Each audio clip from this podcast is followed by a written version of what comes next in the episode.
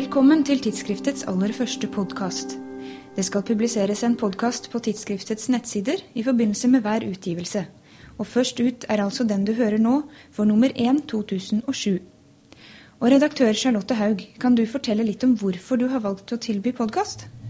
Vi tror at det å høre litt uh, fra tidsskriftet også kan være en interessant måte å få en smakebit av innholdet på. Vi tilrettelegger allerede i dag både for papir og internett. Og nå har mange blitt uh, veldig vant til å laste ned både musikk og radioprogrammer uh, for å høre på sin egen MP3-spiller uh, når det passer, enten det er hjemme eller på reise. Og vi tror det at å høre en kollega fortelle litt om det han har skrevet, det kan være en fin måte å få en, en liten smakebit av innholdet i tidsskriftet. Det er ikke første gang tidsskriftet tilbyr smakebiter av innholdet i lydform? Nei, faktisk. Så for 33 år siden så utga tidsskriftet sin egen kassettutgave. Eh, et årsabonnement på ti kassetter i året. For spesielt tilrettelagt for praktiserende leger på reise med bil og med båt. Og det holdt på i flere år, faktisk.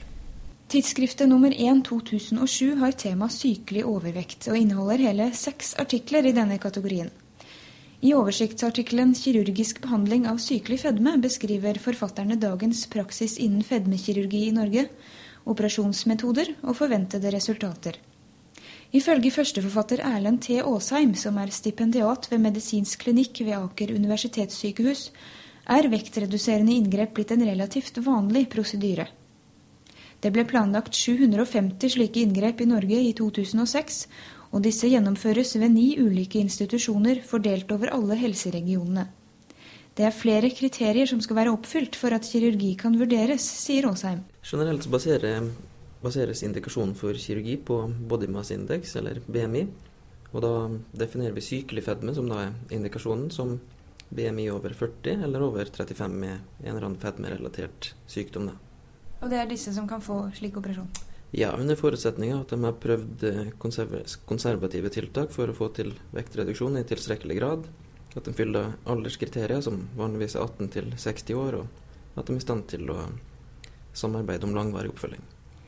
Hvilke kirurgiske metoder er det som benyttes i dag? Ja, Det klart vanligste inngrepet i Norge i dag det er såkalt gastric bypass. og Det er også det som benyttes mest i USA.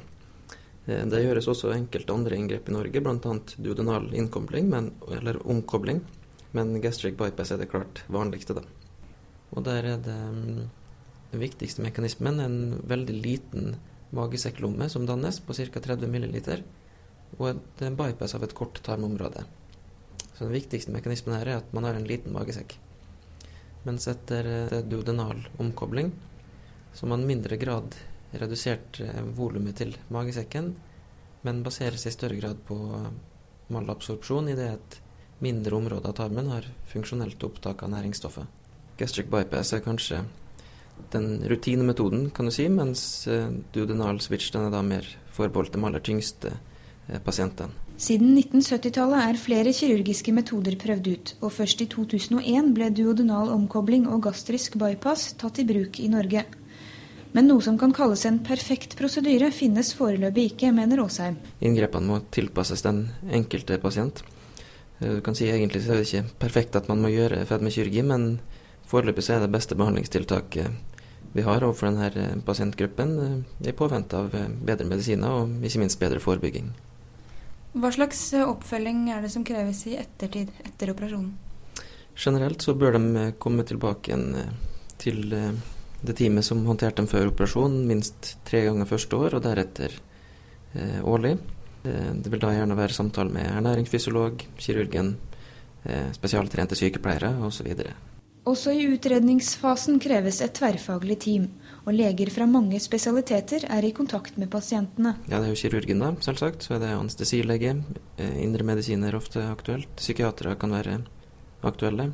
For øvrig mye støttepersonell som ernæringsfysiologer, treningsterapeuter sykepleiere. Og um, ikke minst um, brukermedvirkning, altså erfarne tidligere opererte som kan være med i forbindelse med støttegrupper f.eks. Kirurgisk behandling av fedme kan gi alvorlige komplikasjoner både under og etter inngrepet.